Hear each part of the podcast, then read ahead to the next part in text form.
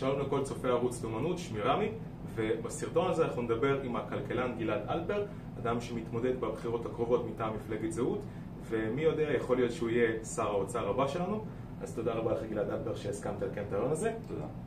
יש לי כמה שאלות אליך בנושאי כלכלה וכלכלת ישראל. השאלה הראשונה היא קפיטליזם. אתה תומך נלהב של שוק חופשי. אז רציתי להבין מה זה קפיטליזם ולמה יש לזה דימוי כל כך לא טוב.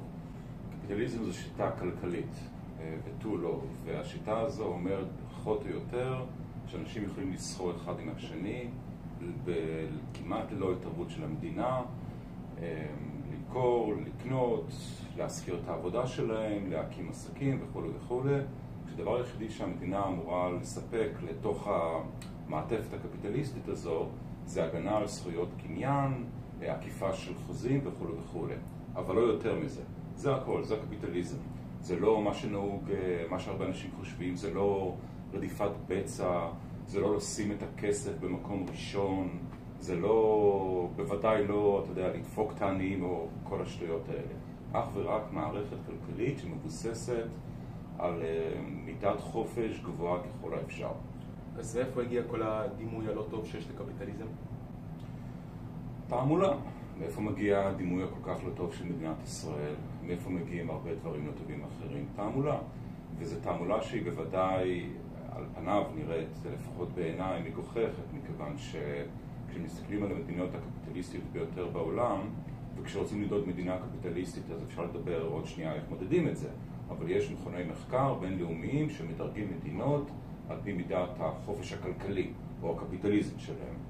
וכשמסתכלים על המדינות הקפיטליסטיות ביותר בעולם, רואים את המדינות העשירות והמצליחות ביותר בעולם, כמו הונג קונג, אירלנד, קנדה, אוסטרליה, בריטניה, ארה"ב, הולנד, דנמרק, פינלנד, כל המדינות שאנשים באופן טבעי מסתכלים עליהן כמדינות מצליחות, מדינות עשירות, מדינות שאנשים רוצים להגר אליהן, כל המדינות האלה נחשבות, נחשבות על ידי אותם מכוני מחקר בינלאומיים, המדינות הקפיטליסטיות ביותר בעולם. ולעומת זאת, המדינות הפחות קפיטליסטיות זה כל המדינות אה, פח למיניהן, כן? אה, אני יודע, מדינות אה, רוסיה או איראן שהיא בין המדינות הכי פחות קפיטליסטיות בעולם. בין כל המאה 140 מדינות, איראן נמצאת נדמה לי אי שם בקצה. כמובן ונצואלה וכולי וכולי. כלומר, הטווח הזה הוא מאוד ברור. אין מדינה בעולם שהיא באמת נחשבת למצליחה ומושכת הגירה ועשירה וכולי וכולי שהיא לא קפיטליסטית, ואין מדינה שהיא לא קפיטליסטית שהיא כל הדברים האלה. אז זה ממש אחד לאחד. ועדיין אנשים, אה, יש להם את, ה... אה, את התפיסה הזו שקפיטליזם זה רע. אגב, כשמסתכלים על מצב העשירון התחתון, מה שנקרא נניח העניים בכל מדינה ומדינה, ורוצים לעשות, לבדוק מה מצב העניים במדינות יותר קפיטליסטיות, קצת פחות, קצת פחות והכי פחות קפיטליסטיות, היחס הוא מאוד ברור. במדינות הקפיטליסטיות החלק של העשירון התחתון בהכנסה הלאומית, א' הוא טיפה טיפה גבוה יותר מאשר במדינות פחות קפיטליסטיות, אבל מה שחשוב שמבחינת ההכנסה האבסולוטית, כלומר כמה אלפי דולרים אתה מרוויח לשנה, במדינות הקפיטליסטיות באמת, העשירון התחתון מרוויח פי שתיים ופי שלוש ופי ארבע מהמדינות האחרות. כלומר, בכל צורה שלא תסתכל על זה, לחיות במדינה קפיטליסטית זה טוב. עכשיו, אתה יודע, מעבר לכל המדידות האלה והסטטיסטיקות והטבלאות, הדבר שאולי הכי הגיוני לבדוק זה לאיפה אנשים מהגרים, כן? לראות איך אנשים מצביעים ברגליים. ובצורה מאוד ברורה, אנשים מהגרים ממדינות פחות קפיטליסטיות למדינות יותר קפיטליסטיות. אף אחד מעולם, טוב, אף אחד זה אולי הגזמה, אבל במספרים אה, משמעותיים מעולם לא קרה שממערב גרמניה יהגרו למזרח גרמניה, כשעוד היו המדינות האלה. אנשים בדרך כלל לא מהגרים מהונג קונג לסין. אה, ארצות הברית בונה חומה לחסום הגירה ממקסיקו, לא בשביל למנוע אנשים להגר מארצות הברית למקסיקו. התנועה היא תמיד חד-כיוונית. אנשים עוברים ממדינות פחות קפיטליסטיות למדינות יותר קפיטליסטיות. ו... וזה כשלעצמו אמור להראות לך איפה טוב ואיפה רע. ועוד באותו נושא, אמרת שבקפיטליזם המדינה לא מתערבת חוץ מנושאים מאוד קטנים. מבחינה מוניטרית, של נניח בישראל, בנק ישראל, יש בקפיטליזם התערבות כזאת? אז זה מן הסתם אחד מהנושאים שהם נושאים יותר במחלוקת, נדמה לי גם בין כלכלנים. לפחות בעיניי, בנקים מרכזיים הם לא מוסדות קפיטליסטיים. ועוד פעם, כאן צריך לזכור שכשאנשים חושבים על קפיטליזם, הם לא צריכים לחשוב על כסף. זה לא שקפיטליזם זה כסף, ומה שלא קפיטליזם זה לא כסף. קפיטליזם זה חירות. ועוד פעם, זה היכולת לעשות עסקים בלי שהממשלה תגיד לך מה לעשות. בנק מרכזי זה מוסד מדינתי ששולט על הדבר החשוב ביותר שקיים בכלכלה, שזה הכסף וגובה הריבית, שולט במידה מסוימת, כן, לא שולט לחלוטין, וככזה הוא לא חלק מהקפיטליזם, הוא לא חלק מהכלכלה החופשית. לכן אני חושב שבעולם אה, אידיאלי, עולם קפיטליסטי כמו שאני אה, מדמיין אותו בכל אופן, לא היה דבר כזה בנק מרכזי. עכשיו, מי שמסתכל על זה וחושב שאני הוזה הזיות, צריך לזכור שעד 1913 בארצות הברית לא היה בנק מרכזי. אגב, עד 1913 בארצות הברית גם לא היה מס הכנסה, אבל זה סיפור אחר. אז אה, זה לא שבכל ההיסטוריה האנושית ובכל ההיסטוריה של הקפיטליזם בנק מרכזי היה משהו טבעי וברור וחלק מהעניין. לא. עד 1913 לא היה בנק מרכזי בארצות הברית. בארצות הברית באותה תקופה, לפחות מאז מלחמת האזרחים האמריקאית ועד מלחמת העולם הראשונה, צמחה בממדים ובקצב שלא ישוער והפכה, יצרה אז את המעמד הבינוני האמריקאי שהיה מושא לקנאה לכל העולם, וכל זה בלי בנק מרכזי. אז עוד פעם, אידיאלית, העולם שאני מדמיין הוא ללא בנק מרכזי. כיום אה, זה חלום באספמיה, לצערי. נעבור לשאלה השנייה, היא כבר נוגעת למצע של זהות. אה, במצע של זהות יש פרק בנוגע לביטוח לאומי, אני חושב שאתה כתבת אותו, אני זוכר נכון? לא. אז אה, על ביטוח לאומי של סוג של, לא בדיוק להפריט את ביטוח לאומי, אבל שכל אזרח לא יהיה חייב לשלם לו. על מה בדיוק התוכנית הזאת? האמת שאתה צריך לשאול את מי שכתב את זה, אבל בגדול הרעיון הוא שביטוח לאומי, כמו כמעט כל תוכנית ממשלתית שאפשר לחשוב עליה, אמ, משיגה כמעט את המטרה ההפוכה ממה שהיא נועדה. באופן כללי בכלל, כשממשלות מוציאות אה, חוקים או תוכניות, אתה יודע שה... התוצאה הולכת להיות הפוך ממה שהכותרת של החוק אומר. אם יש חוק שאומר החוק ליצירת עבודה, אתה יודע שהוא הולך להרוס משרות. החוק לחדשנות, הוא הולך להרוס חדשנות. ככה גם החוק של ביטוח לאומי, שנועד ליצור מעטפת של הגנה, הוא הפך כמובן בסופו של דבר לעוד דרך של המדינה אה, לגבות מס, לקחת את המס הזה ולממן איתו את התוכניות הממשלתיות שרובן כאמור לא עושות שום דבר למעמד הבינוני הישראלי משלם המיסים. ובאמת נדמה לי ש-80% או משהו כזה מהכסף שאנשים משלמים לביטוח לאומי לא חוזר אליהם לעולם בחזרה. אז הרעיון הוא להוציא גם את זה בצורה מסוימת וזהירה, כן, לשוק החופשי, כי השוק החופשי עושה דברים כאלה יותר בהצלחה. אגב, אנשים יש להם מלא תוכניות ביטוח, אני מקווה, כל מי שיש לו שכל צריך לעשות תוכניות ביטוח, למקרה של כמובן מחלה, מחלות קשות, אובדן אה, כושר השתכרות וכולי וכולי. והרעיון בסופו של דבר שגם ביטוח לאומי עבור, אמור לצאת לתחומים האלה, כי כרגע זה באמת פשוט, אה, יש שקוראים לזה תרמית פירמידה, או פונזי, או כל דבר אחר, אבל את התפקיד המקורי של הביטוח לאומי הוא לא עושה. אגב, לא רק במדינת ישראל, גם בארצות הברית יש אין סוף סיפור, סיפורים על איך הביטוח הלאומי האמריקאי הוא פושט רגל, גם שם זה סוג של... אה, אה, רמאות וכולי וכולי. אנחנו לא מיוחדים בזה. כלומר, המטרה במצב כזה שכל אזרח לא יהיה חייב לשלם לביטוח לאומי, יוכל פשוט לבחור לעצמו כל ביטוח פרטי שירצה? משהו כזה. השאלה השלישית זה גם נושא שאתה נגעת, נגעת בו בסרטונים שלך, אה, זה מינהל מקרקעי ישראל כן. ומחירי הדירות. אז שאלה שתהיה ברורה לכל אזרח בישראל, למה בשנים האחרונות המחירים כל כך עלו ואיך אפשר לפתור את זה? אני חושב שהבעיה היא מאוד פשוטה. אמ, הבעיה היא ששוק הנדל"ן, ושוב, אוקיי, ששוק הנדל"ן הוא שוק שהוא כמעט לחלוטין, לחלוטין מנוהל על ידי הממשלה. יש פה שוק שהוא נראה כאילו למי שמסתכל מבחוץ כשוק פרטי וחופשי, שבו היזמים המרושעים מעלים את מחירי הדיור בשביל אה, לדפוק את המסכנים שחייבים לקנות דירה, והיזמים הם הרשעים, והממשלה מנסה להגן עלינו וכולי וכולי. וכמובן שהמציאות היא ב-180 מעלות הפוכה. שוק הנדל"ן הוא שוק, אה, הייתי קורא לו כמעט בולשביקי. השוק הרי מורכב בגדול, אני מתאר את זה בצורה מאוד מאוד סכמטית מן הסתם, מאדמות ומצריך, בשביל לבנות בית צריך שיהיה לך אדמה וצריך כמובן לבנות את הבית, את הרשות לבנות בית. מדינת ישראל דואגת לזה שאת שני החלקים האלה של השוק בעצם לא תוכל לעשות, כמעט, לא תוכל לעשות. כמעט בערך משהו בסגנון 90 ומשהו אחוז מהאדמות בישראל נמצאות בשליטת הממשלה, אה, בעצם מנהל מקרקעי ישראל. אה, באזורי הביקוש זה 50 או 60 אחוז, אבל לא משנה, חלק אדיר מהאדמות בשליטת, בשליטת הממשלה. הממשלה מוכרת אותם בקצב מאוד מאוד מאוד איטי, ואפילו ברגע שאתה כן משיג את הקרקע, לבנות את הבית, להשיג את הרישיונות, להשיג את ה... לרשום את הנכסים וכולי וכולי, אה, זה תהליך בירוקרטי נוראי, שאני לא צריך לספר לאף אחד כמה שנים זה לוקח לבנות בית בארץ. ושני הדברים האלה, המחסור באדמות, כי המדינה לא מוכרת ולא משחררת אותם, והרגולציה והבירוקרטיה הנוראיות, יוצרים בעיה של חוסר היצע. אין פשוט מספיק היצע של דירות בארץ, וזו הסיבה שהמחירים עולים. לא בגלל שהיזמים מרושעים ולא שום דבר. יזמים ואנשי עסקים רוצים לעשות כסף בכל תחום של הכלכלה, תמיד רוצים לעשות כסף.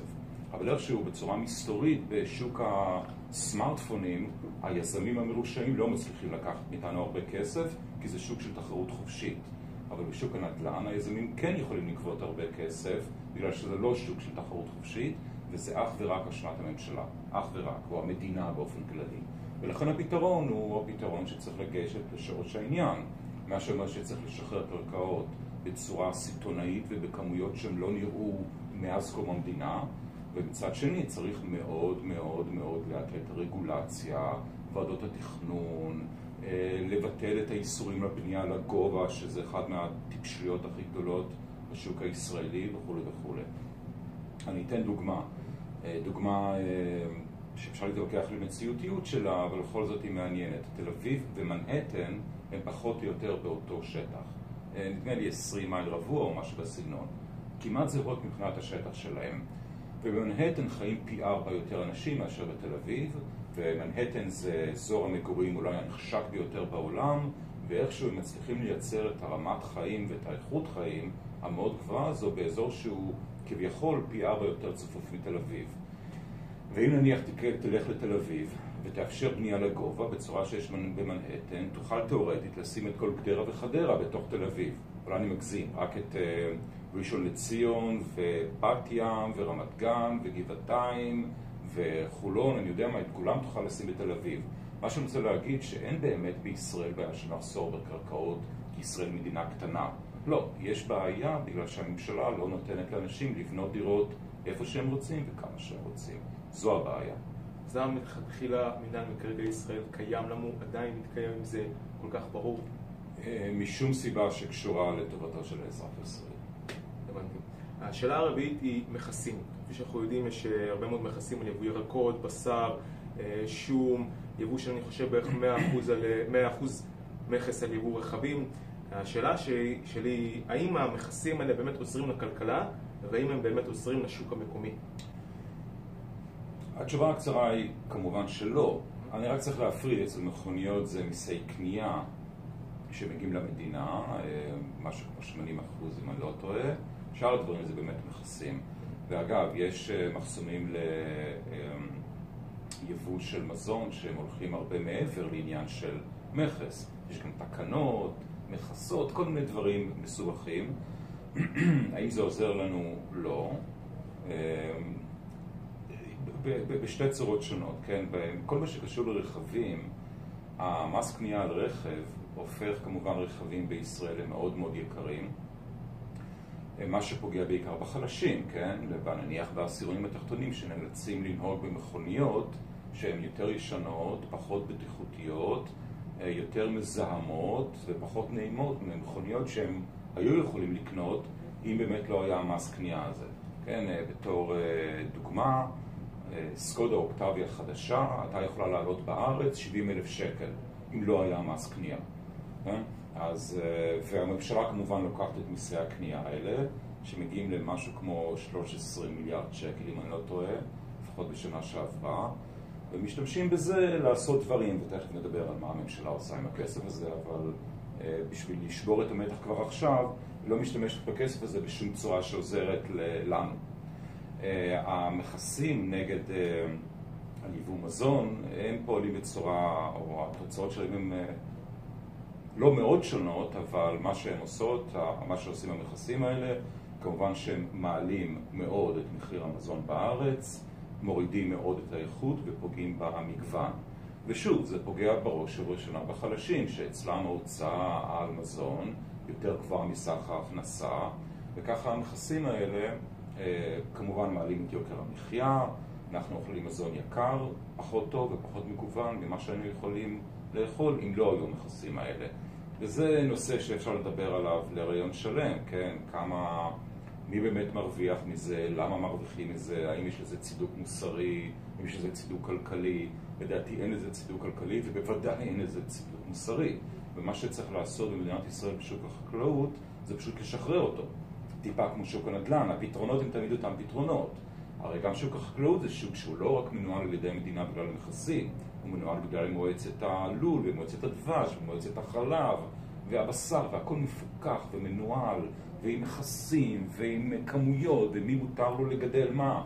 אז הפתרון שלי לכל הסיפור הזה היה שהממשלה פשוט בבת, לא בבת אחת, הכל לאט ובהדרגתי ולתת לכולם להתרגל. אבל בסופו של דבר, לחלוטין לחלוטין תוציא את הידיים שלה מהשוק הזה. כל אחד, כל חקלאי יוכל לגדל מה שהוא רוצה, איפה שהוא רוצה, איך שהוא רוצה, לגבות מחיר כמה שהוא רוצה, וגם כל ישראלי יוכל לייבא איזה מזון שהוא רוצה. אה, אתה יכול לדבר עכשיו על תקינה בינלאומית וכולי וכולי, אבל אה, שכל אחד יוכל לייבא מזון, שנוכל להיכנס לשופרסל או לסופרמרקט או מה שלא יהיה, ויש שם מגוון מזונות מכל מקום בעולם, וכל אזרח יוכל להחליט מה הוא קונה ומה הוא לא קונה. ואני כבר רוצה לתת תשובה לשאלה שתמיד אנשים שואלים, אבל מה עם הערך של החקלאות הישראלית?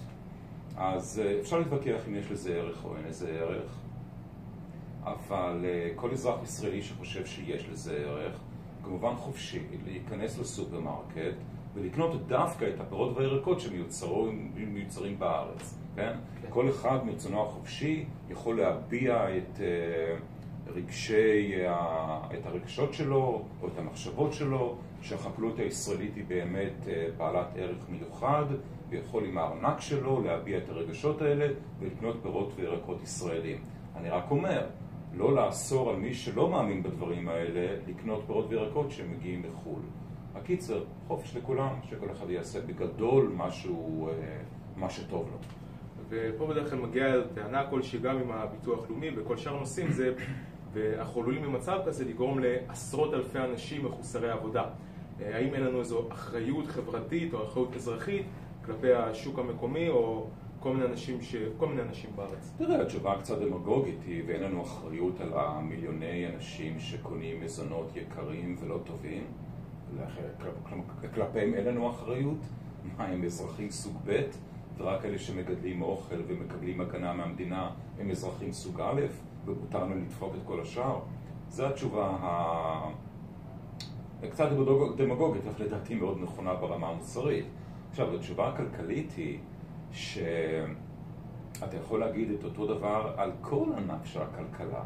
הרי במדינת ישראל לפני כמה שנים, כמה וכמה שנים כבר, אה, פתחו את השוק לטקסטיל, והרבה מאוד אנשים איבדו את עבודתם, וכמובן שהבגדים נעשו בארץ מאוד מאוד זולים, וכיום כולם לבושים פחות או יותר אותם בגדים, מה שאגב מרמז שאחד הדברים שהורדת מכסים בשוק חופשי עושה זה דווקא לסגור פערים, מכיוון שהמחירים יורדים וכולם יכולים פחות או יותר להרשות לעצמם דברים שהם לא זהים אבל כמעט זהים, אבל אותם אנשים, אה, כלומר אה, כשפתחו את השוק הישראלי במידה מסוימת לתחרות בטקסטיל ודברים אחרים, האבטלה בטווח הבינוני והארוך לא עלתה אנשים פשוט מוצאים עבודה בתחומים ובסקטורים שבהם יש למדינת ישראל יתרון תחרותי.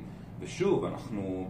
אנשים אומרים את הדברים האלה בישראל כאילו ישראל זה אי בודד בעולם, אין היסטוריה כלכלית, אין דוגמאות למדינות אחרות שעשו את זה, אנחנו כביכול ממציאים את הגלגל ולומדים את הכל מחדש כל הזמן.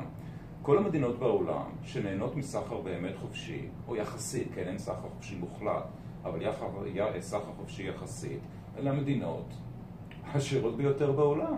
הונג קונג אה, מצטיינת בסחר חופשי כמעט לחלוטין, בין המדינות העשירות ביותר בעולם, וכך גם שווייץ, וכך גם אה, סינגפור במידה מסוימת, וכך גם סקנדינביה אגב, שמוחזקת כמופת סוציאליסטי בארץ, אבל נהנות מסחר חופשי הרבה יותר, ברמה הרבה יותר גבוהה מישראל. כל המדינות האלה שפותחות את עצמן לסחר, רק מעלות את העושר של האזרחים עם הזמן. אני לא יודע כמה אתה רוצה להיכנס לזה, אבל דוגמה, לא בדיוק דוגמה, אבל נקודה מאוד חשובה בהקשר הזה שצריך להבין שבסופו של דבר הבעיה הכלכלית העיקרית של מדינת ישראל זה שהפריון מאוד נמוך. וכלומר אנחנו מייצרים יחסית מעט בכל שעת עבודה. והמשמעויות של פריון הנמוך הן נוראיות, כי מה שזה אומר שבמדינת ישראל עובדים שעות ארוכות, אבל ההכנסה היא יחסית נמוכה. כי הרי בכל שעה אתה מייצר יחסית מעט.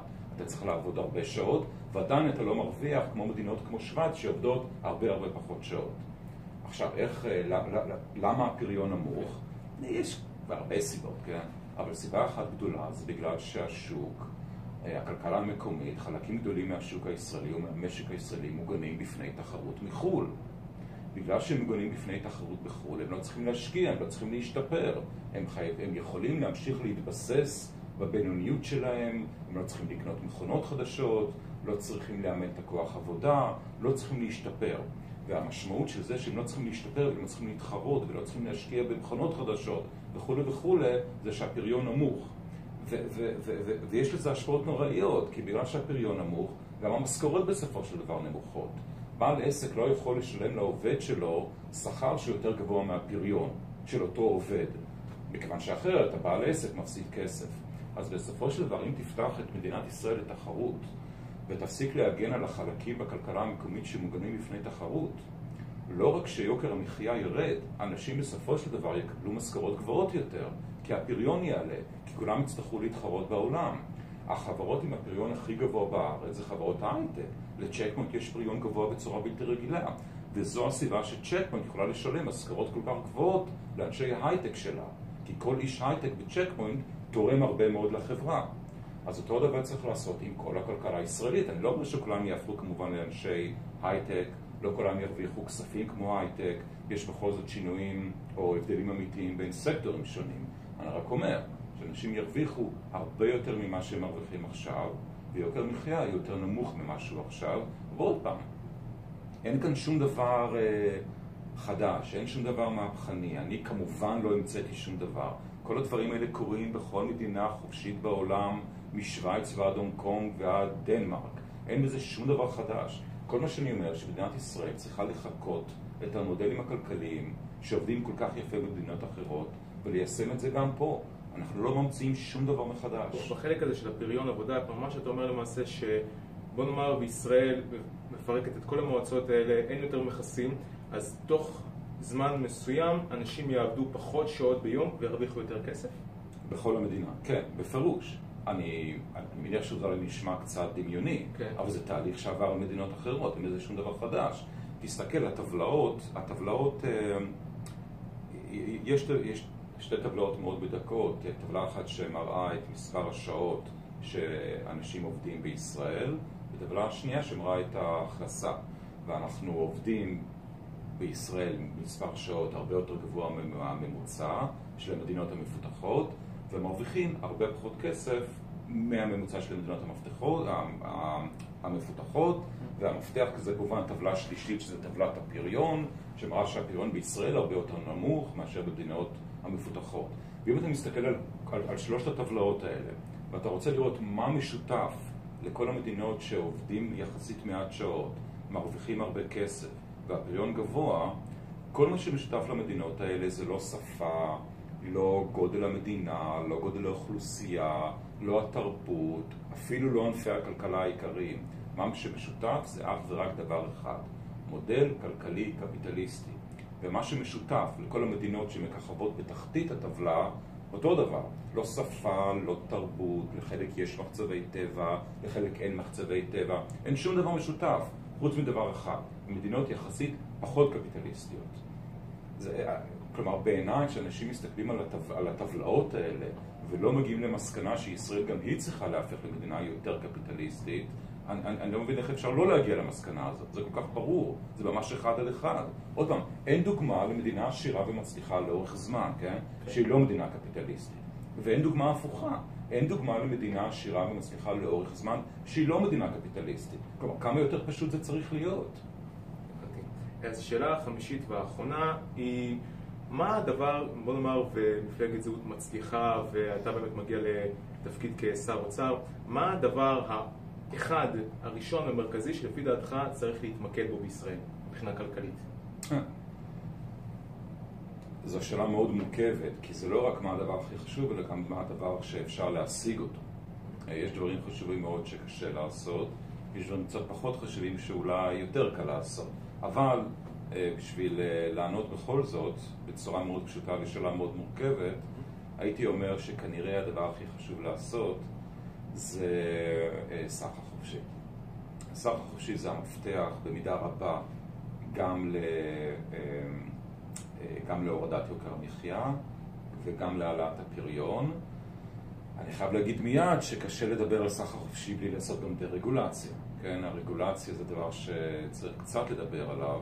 רגולציה, כלומר עומס החוקים והתקנות שהממשלה מערימה על uh, המגזר העסקי. וכשאני אומר המגזר העסקי, אנשים, אתה יודע, ישר מתחילים לחשוב על, uh, לא יודע, על חברות ענק וטייקונים וכולי וכולי. לא, אני מדבר על, יש בישראל 500 אלף עסקים, רובם הגדול מאוד עסקים קטנים ובינוניים. אה, שאת אה, שמות 99% מהם אף אחד בכלל לא מכיר, והם אלה שמהווים את ה... אה, במידה מסוימת את המקור העיקרי לצמיחה, או לפחות מה שאמור להיות. אלה האנשים היזמים הקטנים שאנשים לא חושבים עליהם, והם אלה שקוראים תחת נטל העומס הגדול של הרגולציה. אותם עומס חוקים ותקנות שהממשלה מטילה על הכלכלה, גם ברגולציה אנחנו מקום משהו כמו 55 בעולם, כלומר כמעט כל מדינה מצליחה או חצי מצליחה בעולם יש לה פחות רגולציה ממדינת ישראל ולכן עוד פעם, לחזור לשאלה שלך, הייתי אומר סחר חופשי, אבל יכול גם להגיד ברגולציה. במקום מסוים זה נשמע כאילו התפקיד של אה, שר, או, כן, של שר אוצר זה תוך כמה שנים לצמצם הכל עד שיוכל לפטר את עצמו. אה, תראה, אתה מדבר כבר על מדינה מנרכיסטית אה, ולזה לא נגיע. בכל אופן לא בתקופת החיים שלי ושלך, או לדעתי גם כל מי שמסתכל על זה, אבל זה יכול להיות, אפשר להגיד, השאיפה. אגב, אחת הבעיות כמובן, אפרופו עם הזמן שלא תצטרך שר אוצר, בעיה גדולה היא שהרבה פעמים כששר אוצר עושה משהו, משהו טוב, שמחייב אותו להילחם עם קבוצות אינטרסים ולקבל עיתונות אה, נוראית כעיתונות בארץ הסוציאליסטית ויציירו אותו כאויב העם וכנבלה וכידיד הטייקונים ועודף בצע וחזיר ומושחת וכל הדברים האלה התוצאות הטובות, הרבה פעמים של הדברים ששר אוצר כזה יעשה, יגיעו שנים אחרי שהוא כבר יפסיק להיות שר אוצר. ואולי הוא יאבד את הבחירות הבאות ואת הכוח הפוליטי שלו, כי כל התוצאות הטובות של הדברים שהוא עושה ושנתפסים בצורה מאוד רעה, יגיעו רק אחרי שנים. אה, וזה אחד הסיבות שפוליטיקאים מאוד מאוד מתקשים לעשות את הדבר הנכון. כי מה שפוליטיקאי רוצה זה להיבחר, עוד פעם. ואם אתה עושה עכשיו משהו טוב, אבל אתה יודע שזה ייתפס כרע, וזה יניף פירות רק שנים מאוחר אחרי מחזור הבחירות הקרוב, אז אתה לא תעשה את זה כי אתה תפחד שאתה לא יבחרו בך. זה בעיה מאוד מאוד גדולה בפוליטיקה. הבנתי. טוב, אז תודה רבה לך גלעד אלפר על הרעיון הזה. ותודה רבה לכל מי שצפה. תודה רבה.